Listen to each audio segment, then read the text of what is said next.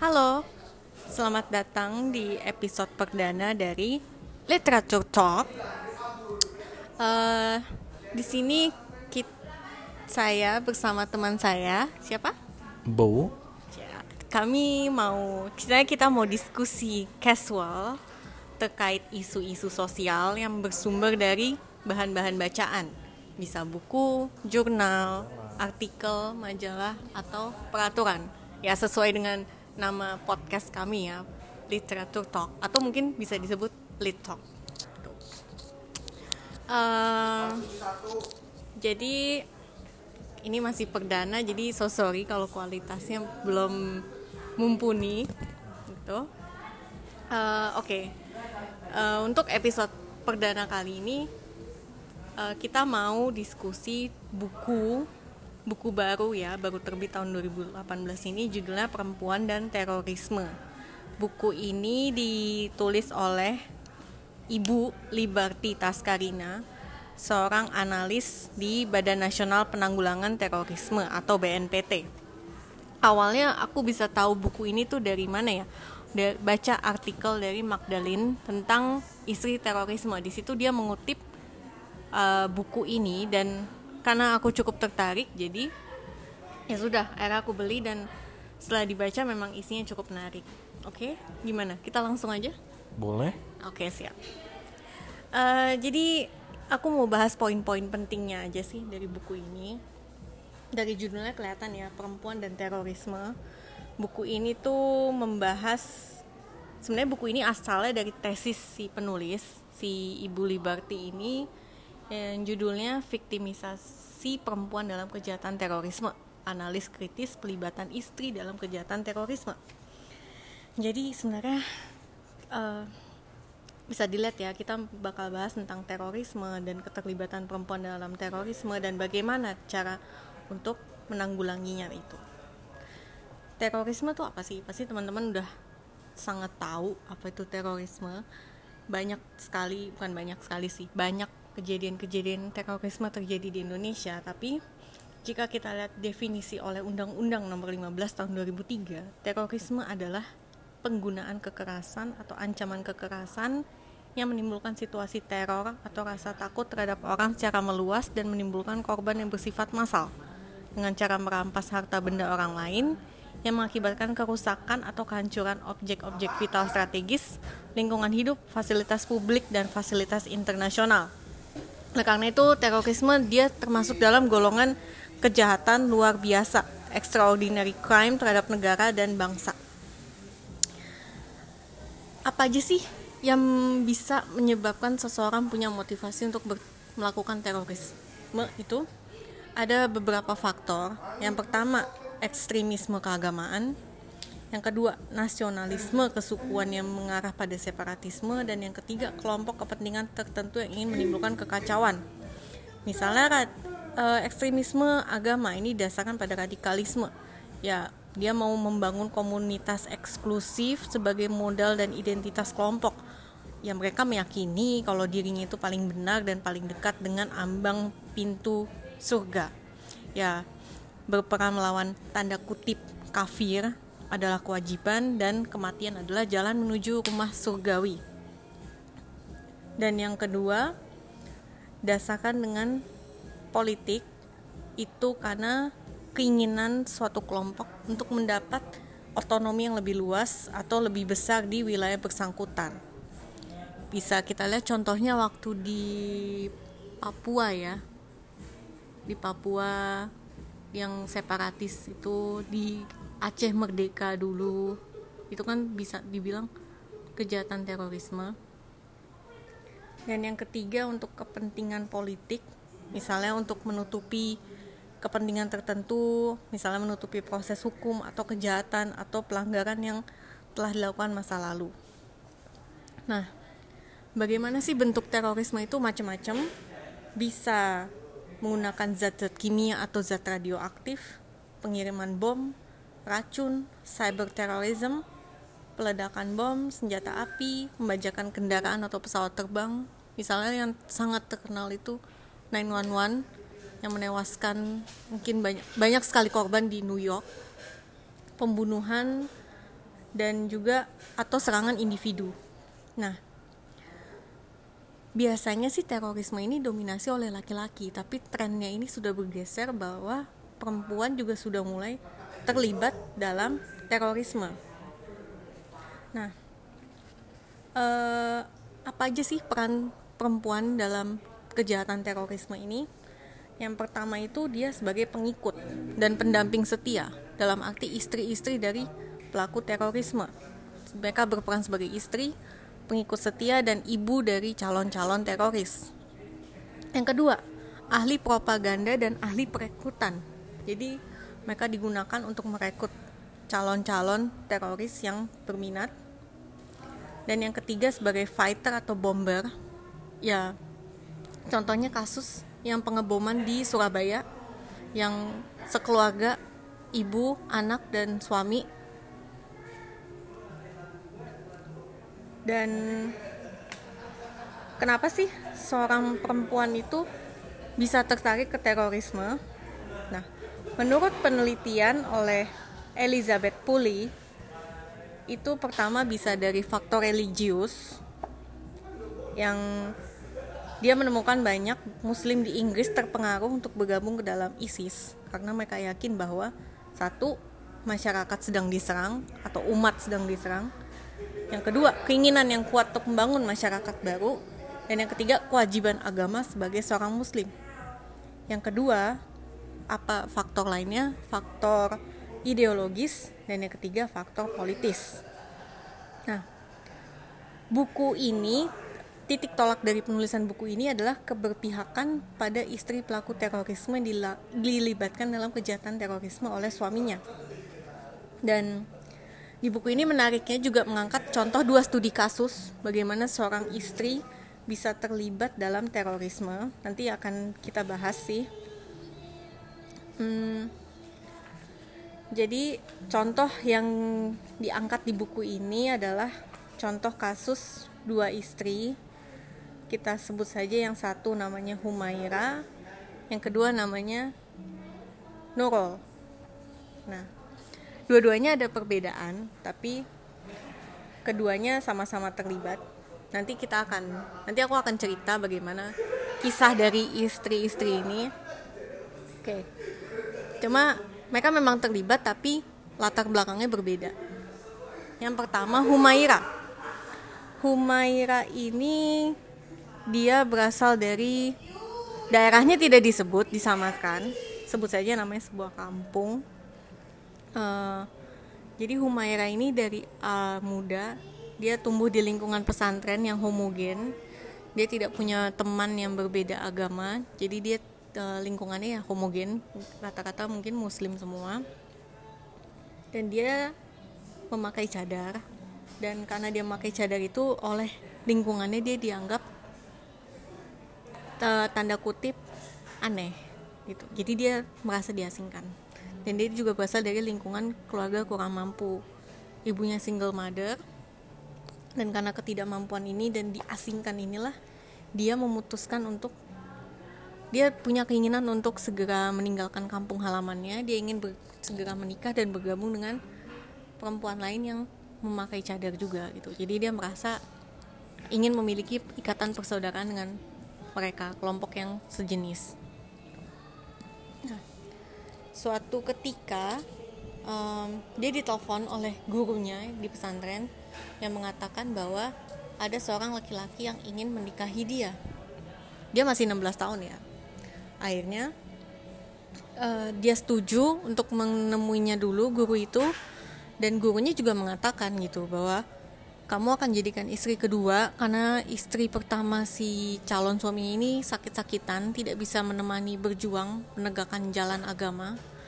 Dan disebutkan bahwa suaminya ini masuk dalam DPO, daftar pencarian orang. Dan dengan dia sudah tahu kondisi seperti itu dan dia mengiyakan, "Oke, okay, aku bersedia dinikahin." Ya, dia ngomong dong ke ibunya, utusan dari keluarga suaminya, calon suaminya juga datang. Dan ibunya menolak. Ibunya mengatakan bahwa oh uh, Humaira ini masih terlalu muda gitu untuk menikah. Saya ingin dia sekolah dulu supaya nanti dia bisa membantu keluarga. Tapi tidak. Humaira tetap pada keinginannya dia ingin segera menikah ingin mendapatkan kondisi finansial yang lebih baik ingin bisa membantu ibunya. Akhirnya dengan restu kakaknya dia memutuskan untuk kawin lari nah setelah menikah itu kondisi yang diharapkan Tata tidak tidak apa ya sangat berbanding terbalik gitu. Dia mengharapkan kehidupan finansial yang lebih baik tapi ternyata dia harus hidup berpindah-pindah karena suaminya masuk dalam DPO teroris gitu. Dia harus pindah-pindah pindah-pindah kosan tinggal di pesantren menumpang di rumah orang. Keluarga suaminya tidak ada yang mau menampung dia juga tidak mungkin kembali ke rumah keluarganya gitu. Jadi kondisinya sangat tidak nyaman. Sampai ketika dia hamil dia pun harus bersedia terpisah dari bayinya karena harus mengikuti suaminya ke atas gunung. Di atas gunung pun dia diajarkan untuk menembak, perakit bom gitu. Suaminya benar-benar mendoktrin dia untuk sampai dia bisa bilang saya benci orang yang berbeda agama. Nah, suatu ketika pengejaran aparat ke atas gunung juga membuahkan hasil Suaminya mungkin yang merupakan anggota kelompok di sini tidak jelaskan tertembak dan dia terpisah dari waktu lagi kabur itu dia terpisah. Dia itu di hutan hutan lebat yang saking lebatnya nggak kelihatan siang malam. Bayangin dia di hutan sendiri cuma bawa senjata dia terpisah dari kelompoknya. Dia tidak tahu jalan berhari-hari dia seperti itu. Sampai akhirnya dia memutuskan untuk turun gunung gitu. Karena dia tidak tahu jalan ya udah gue turun gunung aja. Ditemukan oleh petani dia mengakui bahwa saya istri dari suaminya ini dan akhirnya di sama petaninya ini diserahkan ke aparat ya tertangkaplah dia itu satu dan yang kedua contoh lain ini si, kita sebut namanya Nurul Nurul ini ada hubungannya dengan Bimo sebut saja namanya Bimo. Bimo ini suami dari Humaira yang tertembak mati.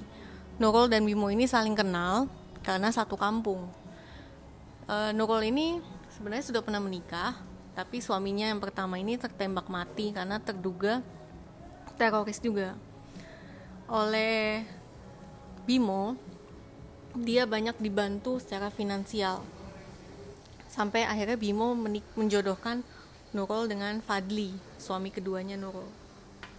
Nah, yang berbeda dari Humaira dan Nurul, Nurul ini hidup di lingkungan yang tidak homogen. Dia banyak bersosialisasi, tidak tertutup. Bahkan dia pernah bekerja bersama dengan apa? organisasi asing untuk membantu pemulihan anak-anak yang trauma.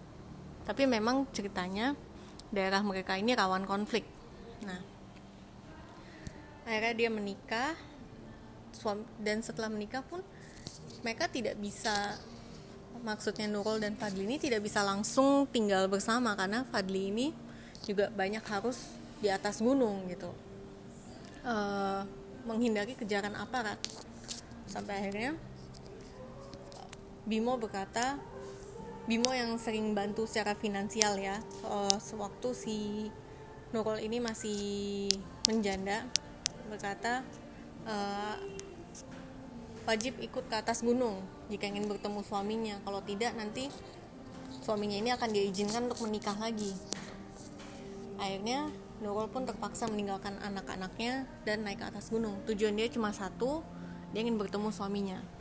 Dan di wawancara pun disebutkan apakah kamu terlibat kegiatan belajar menembak belajar merakit tidak. Saya tidak tertarik dengan jihad seperti itu. Pikiran saya hanya ingin bertemu suami saya gitu. Tuh. dan akhirnya ya sama karena bimonya tertembak kelompok mereka tercerai berai dan akhirnya tertangkap termasuk si Nurul ini tertangkap. Nah dari kedua kasus contoh kasus ini bisa terlihat ya bedanya kalau memang si kedua tapi kedua istri ini mengalami viktimisasi cuma berbeda ya gitu. Kalau si Humaira ini dia mengalami viktimisasi dari masa kecil di mana dia merasa terasing karena dia memakai cadar dia dia mengalami viktimisasi oleh lingkungan. Yang kedua oleh keluarganya sendiri yaitu oleh kakaknya yang mana sudah tahu kalau calon suaminya ini adalah DPO tapi masih direstui oleh kakaknya untuk menikah gitu. yang ketiga oleh suaminya sendiri jelas gitu. Dia tidak mengalami kehidupan pernikahan yang layak. Dia harus berpindah-pindah merasakan perlakuan tidak enak oleh orang lain tidak diterima oleh orang lain gitu. Sedangkan kalau Nurul ini dia masa kecilnya juga dia tidak seperti Nurul dia lebih bersosialisasi bergaul tumbuh dalam lingkungan yang heterogen gitu. Cuma dia mengalami viktimisasi saat masa pernikahan. Ya karena suaminya ternyata DPO jadi dia harus berpindah-pindah juga. Terus dia harus berpisah dari suaminya tidak sering bertemu gitu. Dan akhirnya walaupun dia tidak terlibat dalam kegiatan misalnya belajar menembak atau merakit bom tapi dia juga dianggap terlibat oleh aparat hukum gitu.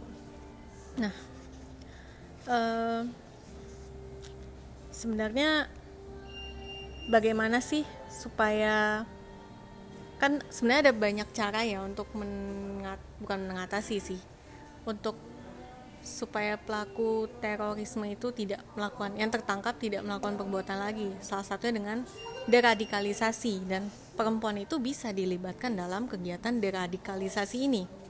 Tuh. Bagaimana sih uh, empat hal yang perlu dilakukan supaya perempuan bisa menjadi istilahnya juru damai? Yang pertama itu ketidaksetaraan gender dan memberikan ketidaksetaraan gender harus kita minimalkan dan memberikan perempuan peran yang lebih besar untuk berpartisipasi dalam kebijakan di bidang sosial gitu misalnya eh, kebijakan untuk mempromosikan kesetaraan gender dan eliminasi diskriminasi gender itu yang kedua, penguatan kesejahteraan multisektoral untuk mencegah radikalisasi, misalnya di penguatan ekonomi, pendidikan keluarga, agama, penguatan hukum gitu. Dan juga informasi berbasis komunitas serta deteksi dini. Gitu. Karena apa? Perempuan ini kan dianggap uh, di suatu keluarga dianggap perempuan ini nanti yang akan mengajarkan pendidikan ke anak-anaknya gitu. Jadi wajar saja jika peran perempuan ini sebenarnya sangat penting gitu peran perempuan bisa menjadi dalam bentuk radikalisasi misalnya dia meng mengajak anak-anak untuk terlibat dalam aksi terorisme atau juga bisa bahkan dalam bentuk deradikalisasi. Yang ketiga, menjadikan perempuan sebagai lokomotif terdepan dalam pendidikan moderat, terutama dimulai dari lingkungan keluarga. Tuh yang melaksanakan kontraterorisme berbasis pendidikan moderat untuk melawan penyebaran radikalisme. Dan yang keempat, menginisiasi perdamaian lewat peran reproduksi perempuan. Contohnya ini yang menarik di Liberia. Di uh, jadi waktu di Liberia dulu itu ada perang sipil tahun 2003. Nah, oleh si Leymah Gbowee, salah satu Nobel Peace Laureate, dia menginisiasi gerakan perdamaian Liberia atau The Liberian Peace Movement. Dia memimpin, memimpin aksi mobilisasi ribuan perempuan untuk memprotes perang sipil Liberia dengan gimana caranya menjalankan aksi diam dan menolak hubungan seks dengan suami. Ya, gerakan ini berkontribusi dalam mengakhiri perang sipil di Liberia itu. Dan oke. Okay. ketiga ya. Itu yang keempat itu yang ketiga apa tadi sorry yang ketiga itu tadi menjadikan perempuan sebagai lot apa uh, peran terdepan dalam pendidikan moderat dimulai dari lingkungan keluarga yang kedua yang kedua itu penguatan kesejahteraan multisektoral misalnya penguatan ekonomi kan salah satu motivasi pelaku terorisme itu kan karena faktor ekonomi kan dia dia tidak mendapat ke akses ekonomi yang layak. Jadi mungkin salah satu caranya bisa dengan dimudahkan dan dibukakan akses untuk kaum-kaum yang tidak mampu gitu. Karena itu faktor ekonomi menjadi salah satu faktor pendorong terjadinya terorisme juga tuh. Dan apa sih pendekatan yang dapat diterapkan kan sebenarnya kondisi terorisme ini terjadi berbeda-beda ya faktor penyebabnya dan faktor penanggulangannya itu pun juga berbeda-beda gitu. Jadi menurut Kamdan dalam buku Rethinking Deradikalisasi ada sembilan pendekatan yang bisa dilakukan untuk proses uh, bukan proses ya sembilan pendekatan yang bisa diterapkan sesuai kondisi dan situasi yang pertama jelas pendekatan deradikalisasi yang mana memer memerangi terorisme melalui deradikalisasi berbeda di setiap wilayah dan setiap negara karena penyebabnya pun berbeda-beda. Yang kedua, pendekatan agama dan ideologi. Pendekatan agama ini lebih menekankan tentang agama sebagai sumber perdamaian dan kasih sayang karena tidak ada agama yang mengajarkan tentang perilaku kekerasan dan menolak kasih sayang. Islam sendiri pun berasal dari akar kata bahasa Arab yang salam yang berarti kedamaian atau serupa dengan shalom dalam bahasa Ibrani. Tuh. Oleh karena itu, kalau ada yang bilang Islam mengajarkan radikalisme dan terorisme karena doktrin adanya doktrin tentang perang, bukan ayat Al-Quran atau hadis yang perlu dikoreksi, tapi pemahamannya dalam menafsirkan ayat-ayat dan hadis tersebut gitu. Yang ketiga, pendekatan psikologis. Ya, kita perlu lihat motivasinya apa, bagaimana dia bergabungnya gitu. Pendekatan psikologis ini misalnya melalui proses pembinaan terhadap narapidana terorisme di lapas gitu dan yang keempat pendekatan ekonomi gitu misalnya ya itu kita membuka akses untuk orang untuk ke ekonomi yang lebih baik gitu. Misalnya mengizinkan dia untuk bekerja kembali atau membuka usaha untuk menopang kehidupan ekonominya gitu. Yang kelima pendekatan sosial budaya tuh um, contohnya ya kenapa pendekatan sosial budaya? Karena problematika budaya ini cenderung menjadi penyebab seseorang untuk melakukan kekerasan gitu. Karena dia menganggap kekerasan ini upaya untuk mendapatkan kehidupan yang lebih baik dan status sosial yang lebih baik gitu. Dan yang keenam adalah pendekatan hukum. Jadi misalnya adanya kepastian hukum, nilai keadilan, dan kemanfaatan yang merupakan nilai-nilai dasar dari hukum itu sendiri itu. Tapi program deradikalisasi yang menerapkan pendekatan hukum juga perlu memperhatikan penerapan HAM gitu. Yang ketujuh, pendekatan politik yang dititik beratkan pada faktor penyebab terorisme dari sisi politik itu sendiri, misalnya rasa ketidakpuasan atas kinerja penegakan hukum pemerintah terhadap kemaksiatan atau nilai-nilai religiusitas Contohnya fenomenanya itu misalnya perjudian, pelacuran, persepsi penodaan agama. Yang kedua ada cita-cita membangun sistem negara dan sistem pemerintah berdasarkan hukum Islam. Uh, yang ketiga solidaritas umat Islam di dunia atas ketidakadilan yang terjadi terhadap konflik Palestina Israel. Menariknya ini hampir semua organisasi radikal selalu menjadikan konflik Palestina Israel sebagai tema utama perjuangan melawan konspirasi Yahudi dan negara Barat jadi dia sangat isu ini sangat gampang untuk dipakai untuk membakar semangat radikalisme atas nama agama yang kedelapan pendekatan teknologi informasi melalui karena banyak juga media-media radikal yang, yang mampu mempengaruhi pemahaman masyarakat apalagi di era keterbukaan informasi seperti saat ini di mana masyarakat dengan mudah bisa mengakses berita, informasi di media sosial atau media elektronik. Di sini sih butuh peran pemerintah dan provider ya untuk melindungi masyarakat dari paparan konten-konten yang membahayakan publik, terutama dari konten dari kelompok radikal dan teror. Yang kesembilan, pendekatan berbasis masyarakat. Ini juga penting karena sebenarnya apa sih? Uh, banyak masyarakat yang enggan untuk menerima mantan napi terorisme kembali ke lingkungannya.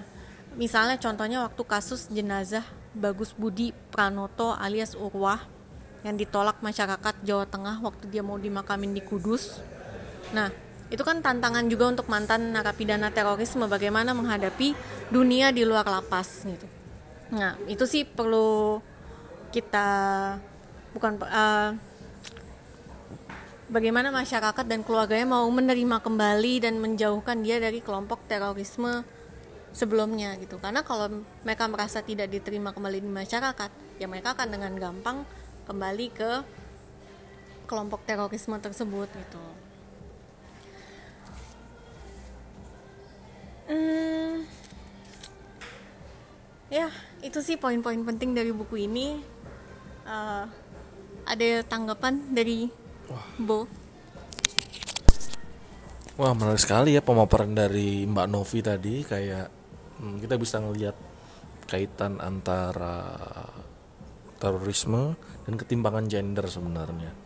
Dari gambar yang sudah disampaikan sebenarnya kelihatan bahwa kebanyak ini bukan generalisir tentunya kan dari pemahaman buku ini maksudnya ini pun juga interpretasi saya ya dari bacaan buku ini uh, saya bisa melihat bahwa atau saya merasa mungkin ya lebih tepat ya bagaimana wanita itu berperan sebagai pengikut kayak gitu.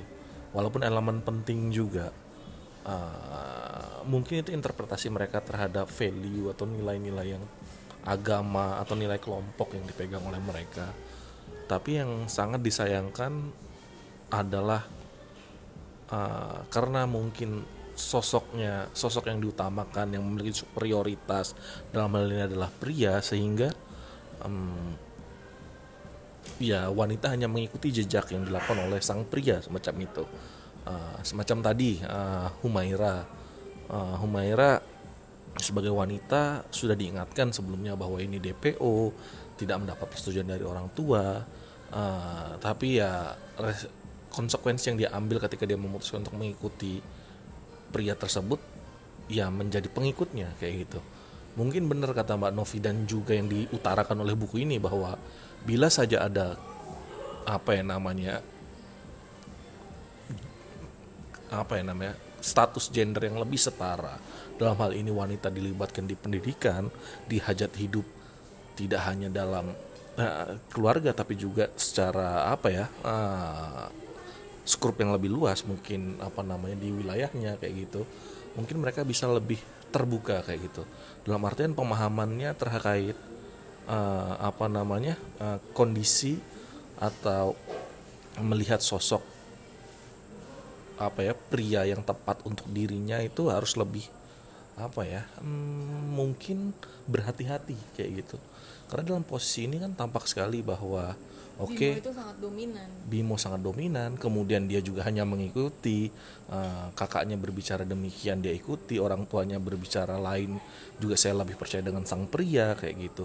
Kemudian lihat bagaimana Bimo memainkan peran juga terhadap Nurul kayak gitu, membantu Nurul mungkin dalam hal ini juga merasa berhutang budi, kemudian dia apa namanya mengikuti suggestion atau nasihat dari Bimo untuk menikahi siapa Fadli ya, ya dalam hal itu Hmm, dan ada semacam ultimatum dari Bimo sendiri untuk mengatakan bahwa bila tidak bisa ketemu maka si Fadli diizinkan untuk menikah kembali kayak gitu.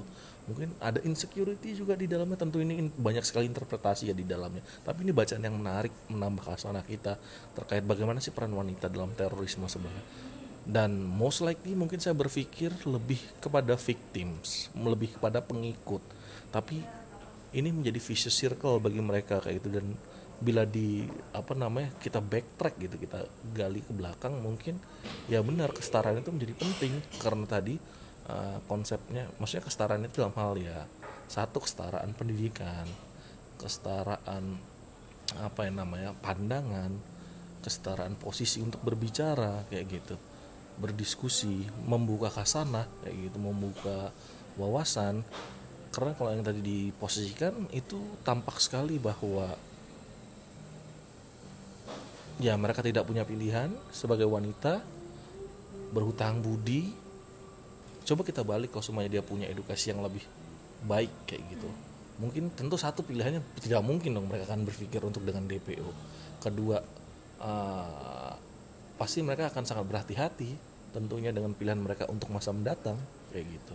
Dan uh, di buku ini disebutkan juga bagaimana orang tuanya Humaira ini menolak Humaira untuk menikah muda dalam di usia 16 tahun. Karena menurut dia lebih baik Humaira untuk belajar terlebih dahulu tapi ya Humaira sudah terlanjur dibuai oleh mimpi menikah dan mendapat kehidupan yang lebih baik gitu. Tapi ternyata sayangnya tidak gitu. Hmm, mungkin ditambahkan juga itu mungkin kan tadi di sini juga ada pemahaman agama. Mereka datang dari kalangan semacam apa misalnya kayak gitu kan uh, mungkin ya ini pemahaman setempat mereka terkait agama sebagaimana wanita uh, harus berbakti mungkin kepada pria atau suaminya semacam itu.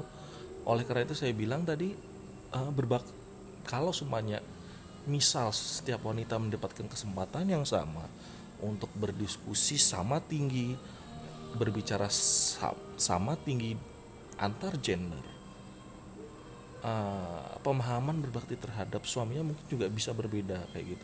Pemahaman terhadap hmm, kandungan isi kitab suci apa saja ini ya tidak hanya kitab suci muslim mungkin lebih apa ya adalah basis logis yang kuat yang digunakan untuk mengamankan dirinya juga kayak gitu.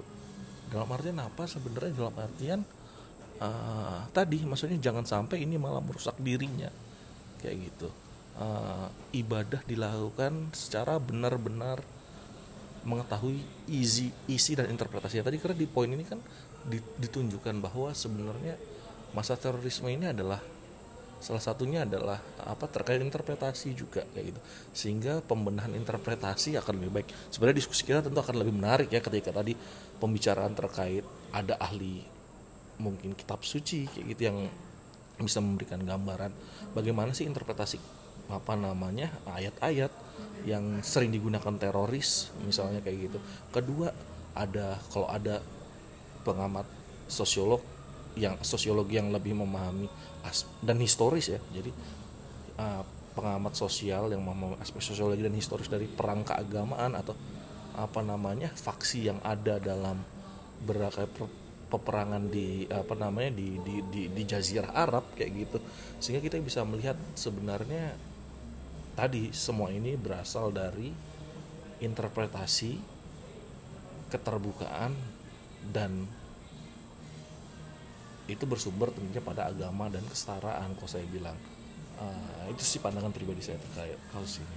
Ya uh, di si buku ini juga kelihatan ya bahwa bagaimana uh, ke kepatuhan seorang istri yang uh, mutlak terhadap suami terkadang bisa menjadi bumerang bagi dirinya sendiri gitu.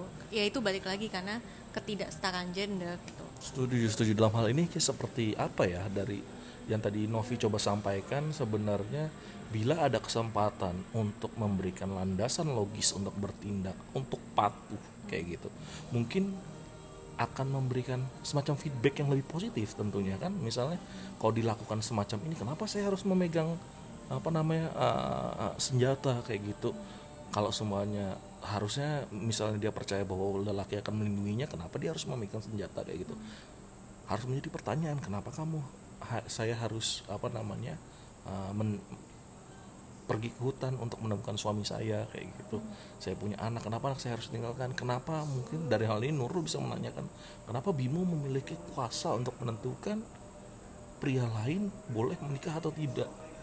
Bukan saya sebagai istrinya Nurul dalam hal itu. Yeah. Kan es bila saja apa ya ada posisi di mana wanita memiliki bukan daya tawar ya saya bilang kayak gitu tapi kesetaraan. ya itu daya tawar sebenarnya oh, iya. kita aja bahasa Inggris kan. Uh, punya apa ya misalnya kesempatan untuk mengatakan ya tadi duduk sama rendah berdiri sama tinggi lah untuk berbicara hal sama hal yang lebih apa ya menanyakan alasan sih kayak gitu atau critical thinking itu diizinkan untuk tumbuh tentu hal semacam itu memberikan apa ya kita sebenarnya satu refleksi diri sih. Kalau saya ya saya berpikir kayak oh iya ya bisa jadi saya salah kenapa ya kayak gini? Atau dari awal kok ngeliat si memang lelaki teroris ngerasa tidak nyaman dari awal si wanita ini sudah ditinggalkan tentunya tidak ada korban wanita tersebut. Ngerti nggak maksud saya? Kalau seumpamanya uh, karena dia merasa bahwa oh tidak bisa diajak kerjasama misalnya kayak itu itu makanya permisalan yang mungkin selalu kita pikirkan yang andai saja pendidikan wanita itu tinggi andai saja mereka memiliki kesempatan untuk berbicara sama besar atau memiliki kesempatan untuk bertanya apa yang harus mereka lakukan tanpa hanya diperintah atas dasar doktrinasi berdasarkan interpretasi sempit saya rasa hal semacam itu bisa dihindarkan dihindari. Dan itu dia. Makanya upaya deradikalisasi itu dalam buku ini disebutkan harus melibatkan tadi perempuan. peran perempuan pemahaman terhadap uh, kitab juga kayak gitu. Dan kesetaraan as- apa namanya mm, perspektif pengaruh utamaan kesetaraan gender semacam itu Ya, eh, this is my opinion ya eh, mengenai ketaatan suatu wanita terhadap suami. I mean, menurut saya sih, menurut aku suami eh suami istri itu emang wajib taat pada suami, tapi harus tetap bisa rasional gitu.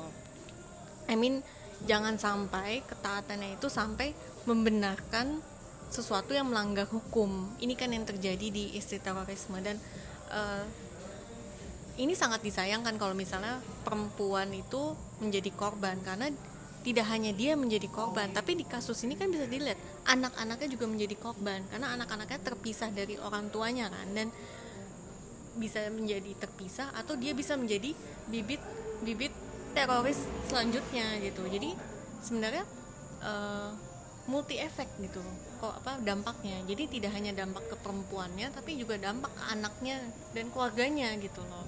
Itu kan yang perlu kita hindari sebenarnya itu Hmm, yang baru-baru ini juga yang terkenal itu kan ingat nggak kasus bom panci?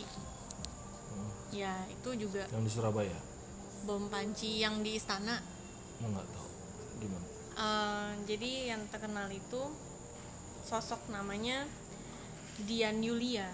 Jadi ini perem- dia divonis tujuh setengah tahun penjara karena dia ketahuan bahwa satu buah bom panci berdaya ledak tinggi untuk menyerang istana negara. Ya. Perempuan dari Cirebon ini juga diciduk sama suaminya dan dia mengakui apa yang dilakukan itu respon dari keinginannya untuk mati dalam jihad gitu. Menurut dia jihad itu kewajiban semua muslim dan dia tidak tergabung dengan grup apa pun, cuma melihat jejaring sosial dan menjadi termotivasi. Nah, makanya salah satu bentuk eh, untuk melawan terorisme itu kan juga perlu peran pemerintah dan terutama provider eh, jaringan gitu.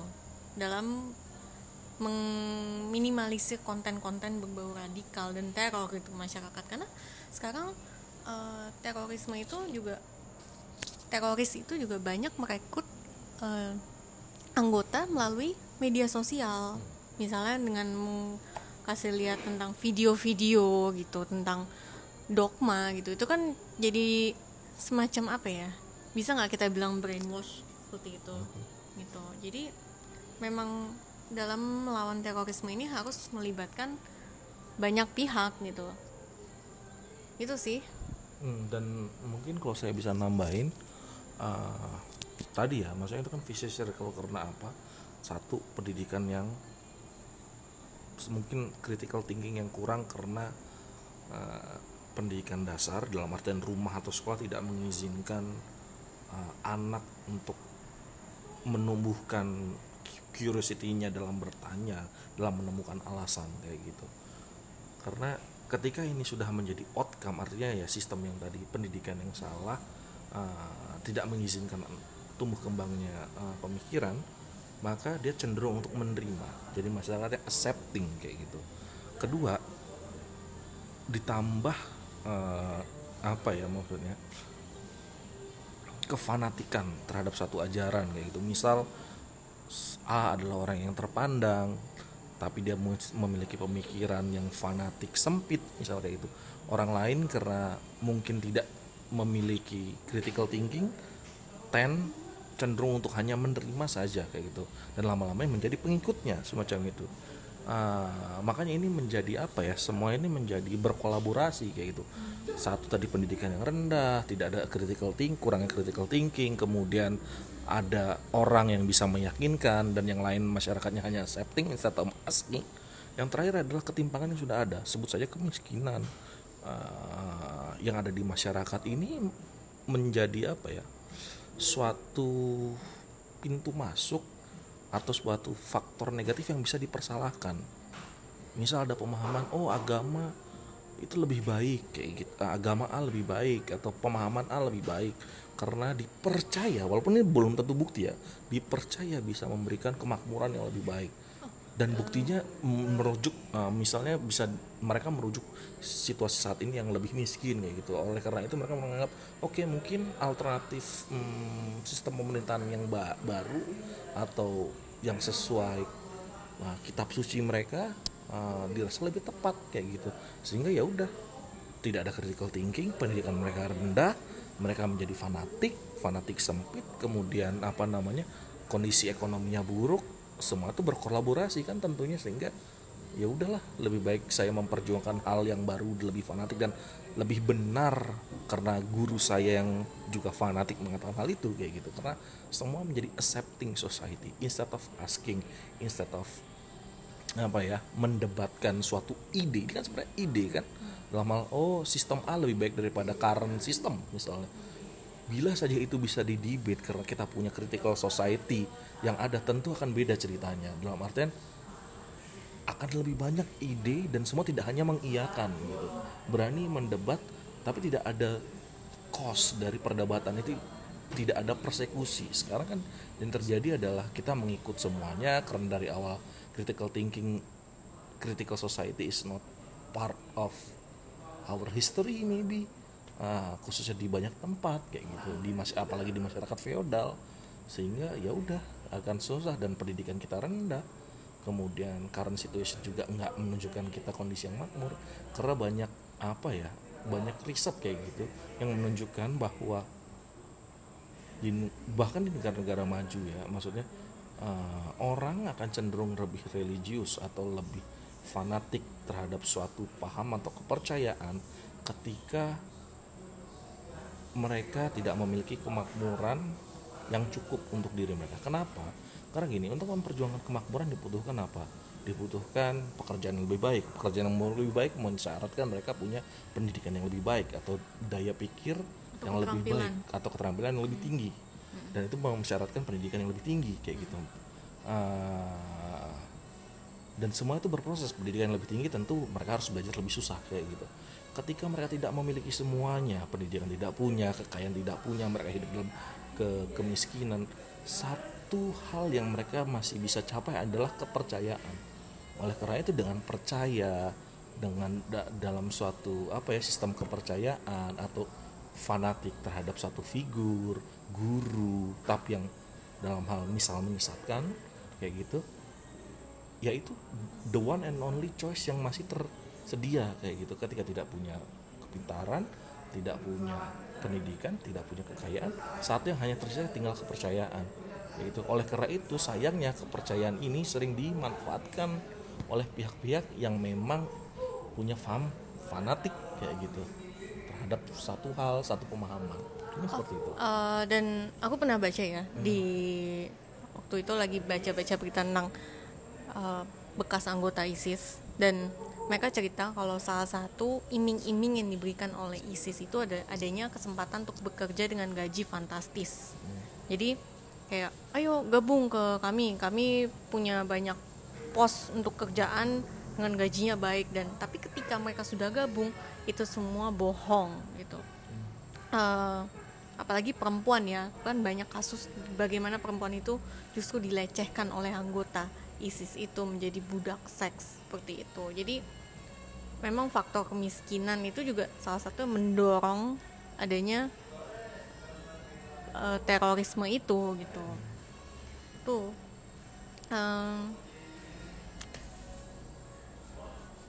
em, Mas Bo ini kan eh, salah satu bukan salah satu ya eh, sangat tertarik dengan isu gender equality. Nah, hmm, kira-kira bagaimana ya peran yang bisa dilakukan pemerintah gitu? Selain misalnya membuka akses untuk orang berusaha untuk menjadikan kondisi ekonomi yang menjadi lebih baik gitu, atau eh, mungkin dari tingkat pendidikan misalnya beasiswa gitu. Oke, pertanyaan bagus banget nih dari Mbak Novi. Kalau saya, wah ini susah banget dijawab karena satu ya, tentu saya pengalaman saya juga nggak belum banyak riset atau melihat lebih banyak applied research di dunia-dunia atau negara-negara lain kayak gitu. Tapi dari bacaan yang saya telah atau apa nah, mungkin pendekatannya pasti multidisciplinary kayak gitu. Tidak ada pendekatan yang cepat juga menurut saya karena uh, paham ini sudah berkembang cukup lama kayak gitu. Dan kefanatikan sudah ada dari dulu. Struktur masyarakat feodal adalah histori dari uh, histori dari society kita masyarakat kita. And then uh, sehingga kalau saya bilang tadi pendekatannya tidak bisa pendekatan cepat kayak gitu. Semua harus di harus di apa ya namanya harus dibobot dari pendekatan struktural dari pendekatan struktural hingga pendekatan uh, apa namanya uh, policy jangka pendek. Struktural apa artinya? Memang dari awal sistem pendidikan harus ada apa yang namanya reformasi atau harus ada penitik beratkan uh, diskusi pada anak kayak gitu. Sehingga anak regardless gender harus memiliki kesempatan untuk bertanya lebih untuk diberikan porsi berbicara, memberikan tanggapan, bukan masalah benar atau salahnya, tapi melatih mereka untuk punya kepercayaan diri, mengungkapkan apa yang mereka pikirkan. Ketika itu salah, ketika kita punya masyarakat yang tadi ya lebih kritis walaupun salah itu tampak di luar daripada diendapkan di dalam tentunya. Hmm. Kalau itu benar bagus memberikan critical thinking dia sebagai anak dan juga mungkin memberikan spill over ke sekitarnya kayak gitu itu bagi anak. Yang kedua peran wanita. Tentu kita tadi harus ada pengaruh utama gender. Tidak ada lagi misalnya hmm, apa ya uh, menitik beratkan pria sebagai apa ya yang harus diutamakan untuk pendidikan kayak gitu.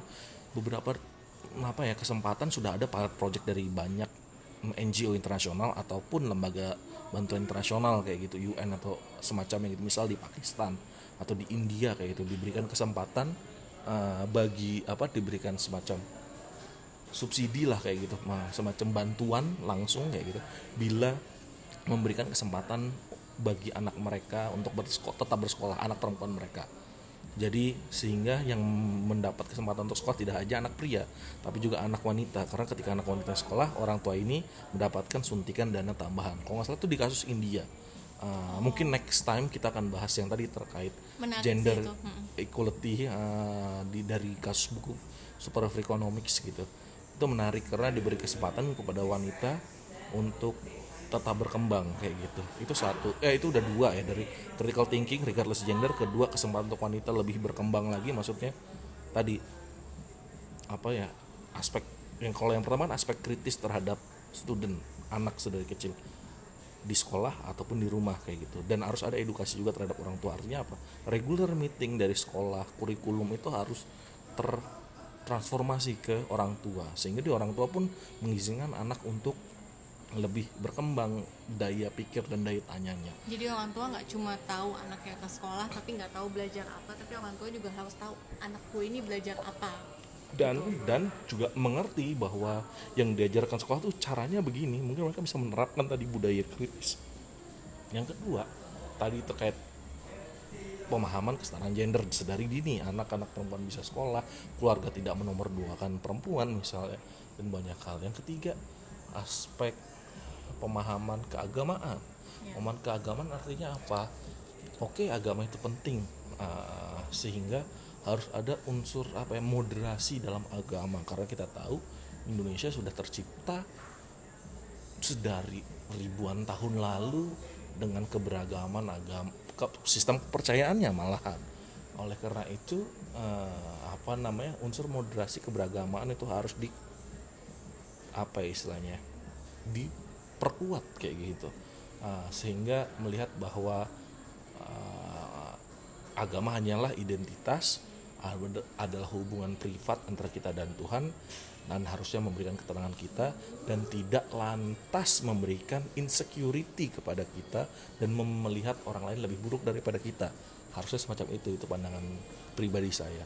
Yang terakhir terkait tadi kesempatan beasiswa atau Mbak Novi. Ini juga suatu hal yang penting artinya setiap orang memiliki kesempatan untuk melihat dunia yang lebih luas. Ini juga membantu mereka bagaimana sebenarnya pemahaman wawasan global praktek-praktek sosial yang terjadi struktur sosial negara lain atau masyarakat lain bisa dipelajari semacam itu.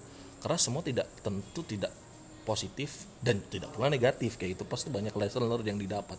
Dan ini tentunya bisa sedikit banyak memberikan wawasan atau warna lebih menarik lebih kritis bagi seseorang untuk berpikir apa yang terbaik atau membentuk prinsip untuk menghargai keberagaman itu sih kalau pandangan saya kayak gitu dan itu bisa dibuktikan dengan sekarang banyak beasiswa bagi segala macam masyarakat dari beasiswa untuk kalangan afirmatif yang kurang mampu, afirmatif santri, afirmatif TNI Polri atau PNS. Kemudian ada banyak beasiswa nggak hanya dari government seperti LPDP, ada juga beasiswa dari negara maju lainnya, misalnya dari Australia, New Zealand, Belanda, Swedia, ya kan? Sehingga seharusnya kesempatan ini harus diambil dan menjadi kesempatan anak-anak atau generasi-generasi mendatang untuk lebih apa ya memahami mencintai keberagaman.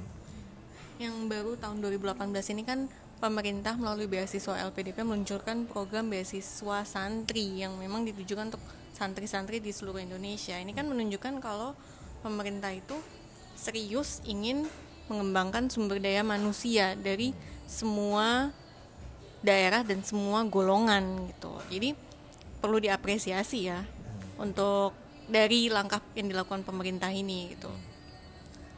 Oke, uh, menarik banget diskusinya. Menarik ya? uh, Ini udah terbukti hampir satu jam diskusi episode pertama kita dan mungkin masih back and forth diskusinya. Yeah. Tapi ya lagi-lagi dalam diskusi ini kan pilot masih pilot episode.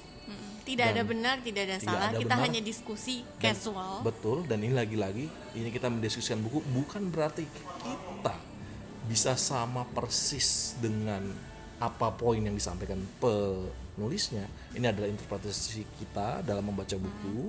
Beberapa buku mungkin yang kita select kita pilih kayaknya menarik untuk didiskusikan hmm. karena banyak pandangan mungkin relevansinya kemudian kita juga memasukkan satu dua tiga pengalaman pribadi hingga bacaan-bacaan lain yang mungkin relevan sehingga tadi menjadikan diskusi ini lebih casual dan ternyata mungkin banyak poin yang bisa kita pelajari bersama lagi-lagi seperti kata Mbak Novi ini bukan men menuntut atau mencari kebenaran yang hakiki tapi ini lebih untuk bahan kita mengedukasi satu sama lain sharing ilmu berbagi pandangan semacam itu. Ke depannya sih semoga ya kita bisa misalnya mengundang ahli ahli misalnya ahli sosiologis gitu. Jadi ada narasumber tentu diskusinya akan lebih menarik gitu. Oke, okay, Mas Bo? Oke, okay, seru banget. Mungkin mm -hmm. kita lanjut lagi next week untuk pembahasan topik selanjutnya. Oke. Okay. So, see you on the next week on the next episode of Lit Talk. Bye. Bye.